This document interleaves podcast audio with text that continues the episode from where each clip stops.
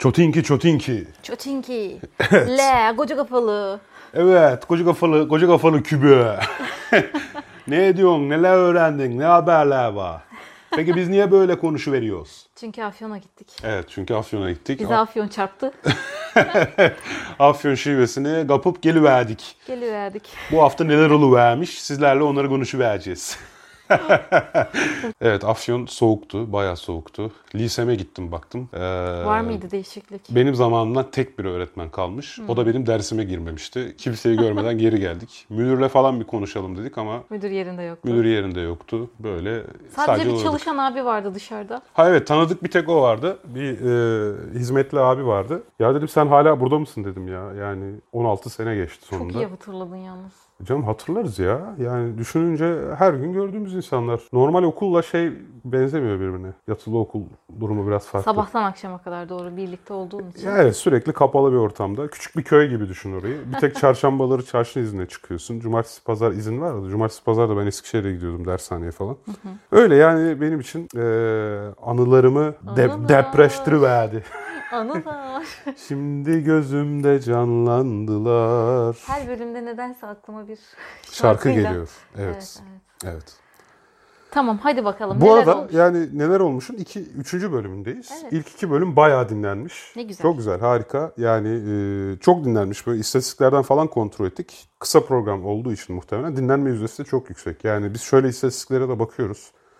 E, hani dinleyen, dinlemeye başlayanların kaçı sonuna kadar devam etmiş. Kontrol ediyoruz ha ne zaman çıkıyorsunuz? Ha ona göre hepsi Ona göre hepinizi hepsini- görüyoruz. evet. Ahmet Ahmet bak sen 12. dakikada bırakmışsın. Evet. Sana son 8 dakikayı soracağız ona göre.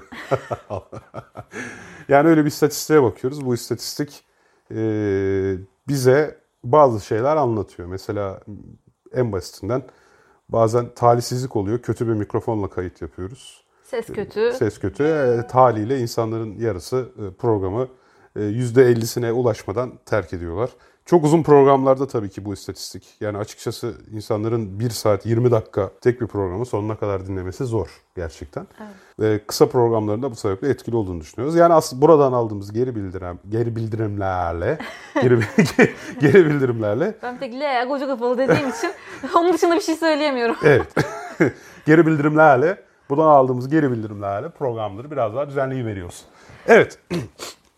Bu hafta iki haberimiz var. Yani beni heyecanlandıran bir haber var. Bir de Beni heyecanlandıran güzel bir haber var. evet şimdi bu haberleri sizlerle paylaşacağız. Tamam. Ee, bunu da bu şekilde yapmaya devam edeceğiz. Önümüzdeki haftalarda da sen mi başlarsın? Sen başla. Ben mi başlayayım? O zaman sor bana neler olmuş diye. Neler olmuş? Neler? Bu ışıkları kim ya- yakıyor? evet şimdi neler olmuş?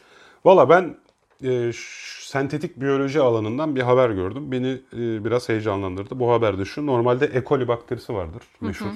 Escherichia coli mi deniyordu ona galiba? E. coli kısaca kendisine. E nokta koli. Evet E nokta coli ve italik yazılan E nokta evet. coli. Bu çok önemli.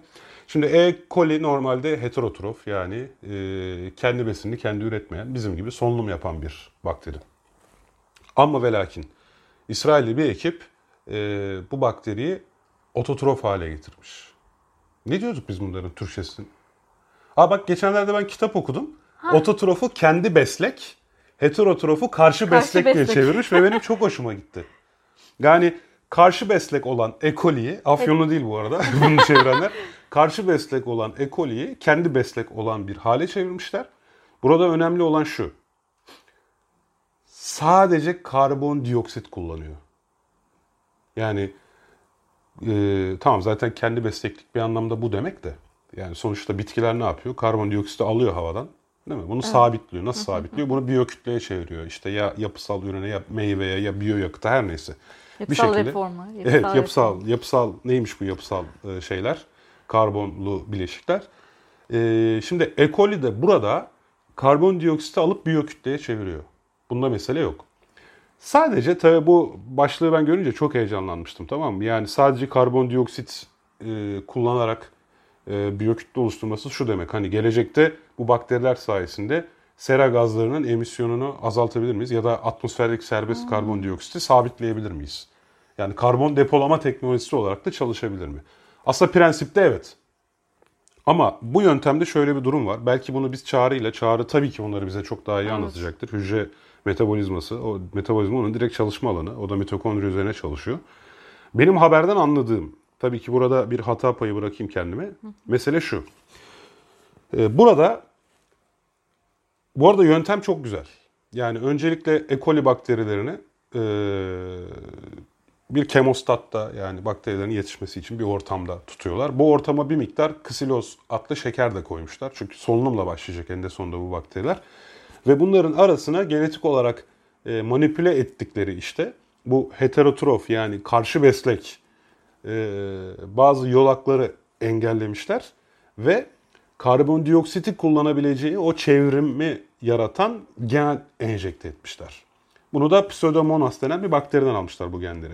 Ya zaten sentetik biyoloji derken kastettiğimiz şu. Sentetik biyoloji şu demek tam olarak. Başka bir canlıdan aldığın Alıp. bir geni bir canlıya entegre edip orada çalışıp çalıştırmaya bakmak. Genelde bir sürü bu şekilde enteresan şeyler yapılıyor. Hatta geçenlerde sadece örümcek ipeğinden e, örülmüş bir kravat paylaşmıştım. O da mesela Maya kültürü içerisinde örümcek genlerinin eklenmesiyle olmuştu. Her neyse konu değişmesin. Tamam.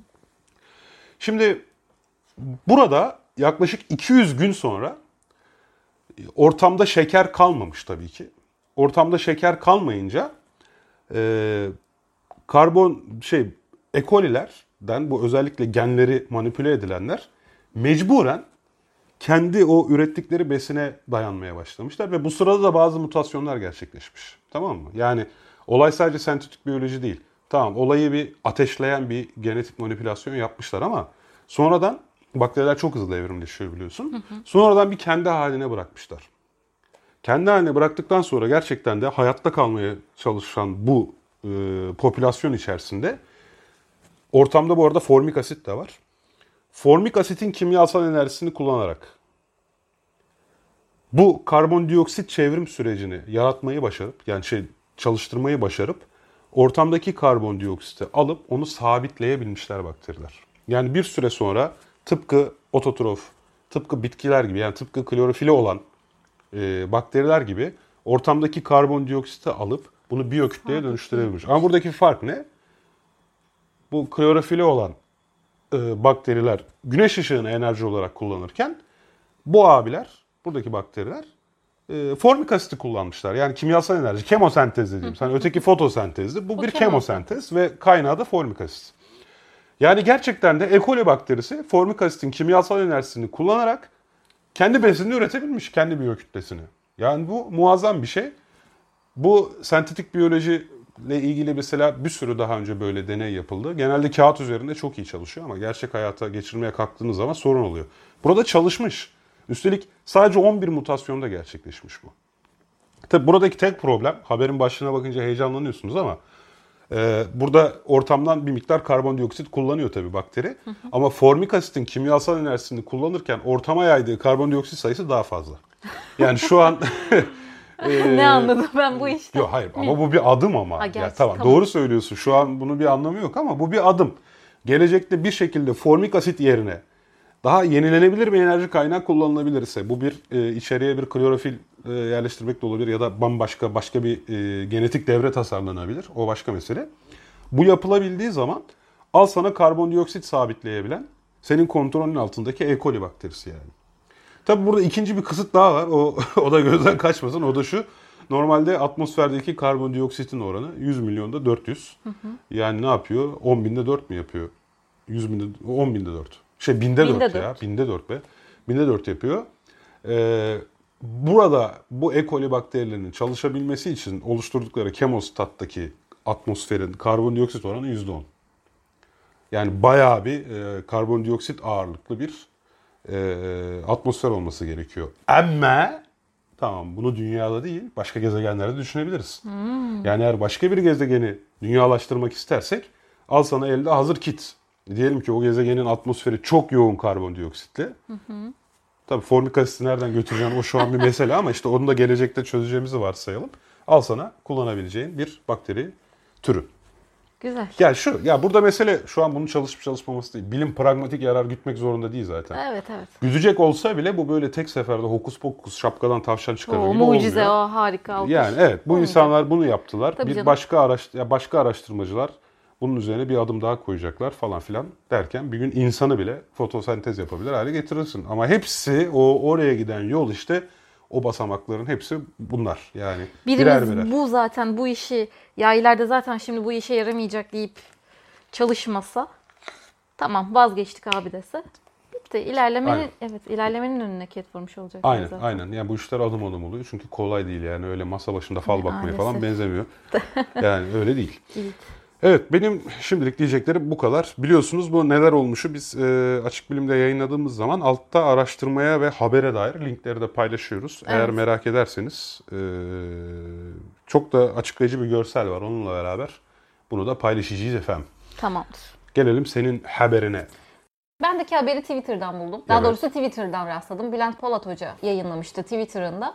Evet. Oradan görüp inceledim çalışmayı. Atrial fibrilasyon yani en sık rastlanan kalp ritim bozukluğu hastalığı ile ilgili bir çalışma. Ha, ben de gördüm onu doğru. Evet Bu evet. bir dakikalık yüz görüntülerine bakarak bu kalp ritim bozukluğu olup olmadığı ile ilgili çalışma yapmışlar. Nasıl ya? Yani bayağı bildiğin birinin yüz görüntüsünü gösteriyorsun ve Bana yüzünü göster sana atrial fibrilasyon olup olmadığını söyleyeyim diyor.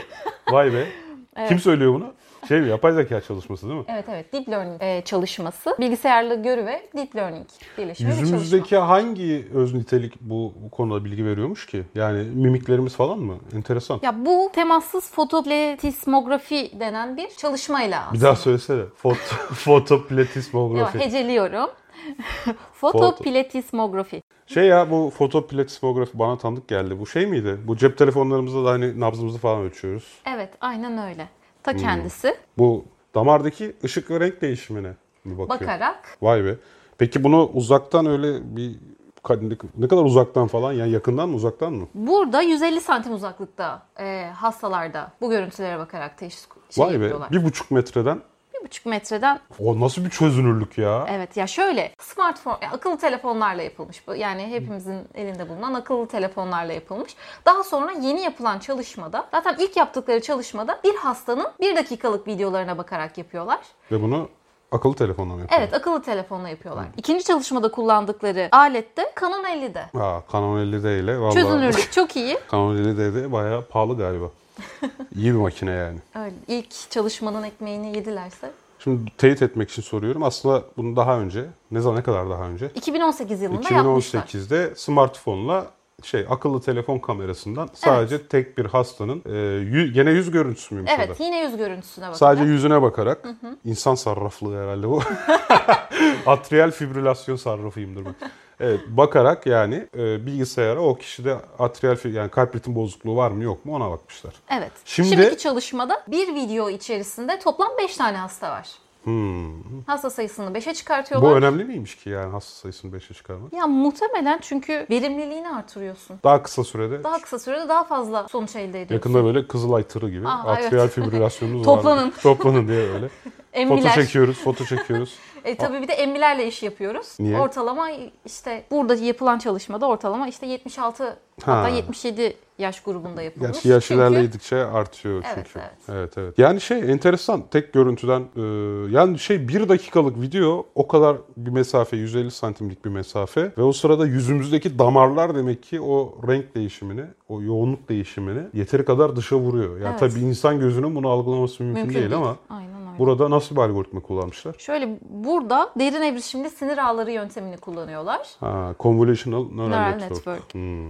Vay be enteresan ya. Evet. Ya ben var ya bak fotoplatismografiyi nereden biliyorum biliyor musun? Nereden? Bu işte telefonu aldım, nabzımı ölçüyor falan. Böyle bir şey yapamadım tamam mı? Hani bir kuşkucu yaklaştım. Bir de Sallıyor stres mu? falan da ölçüyor tamam mı? Şimdi bu Samsung Health var mesela. Stresimi ölçüyor. Ya şimdi bu hani bu ölçümü nasıl yapıyor? Ben şuraya parmağımı koyuyorum falan diye. Sonra araştırdım. Gerçekten aslı astarı var yani. Hani e, bir şekilde dolaşım sistemimizdeki o da- yani kanın akış hızı tam o ka- kalbin pompaladığı sırada ve Verilen- pompalamadığı verdiği andaki. sinyaller işte. Evet. Bunlar bir şekilde e, renk ve yoğunluk aydınlanma bakımından ki o da bir ışık yakıyor zaten bunu ölçebilmek için belli bir dalga boyunda. Gerçekten de sağlığımız hakkında fikir verebiliyor. Bu enteresan bir şey. Baktığımızda bu haberler çok böyle mucizeviymiş gibi geliyor. Ya zaten bir söz vardı yani iyi bir teknolojiyi sihirden ayırmak mümkün değil değil mi? Şimdi zaman makinesine binip şu an elimizdeki teknolojilerle geçmişe gidecek olsak bizim büyücü olduğumuzu düşüneceklerdir yani.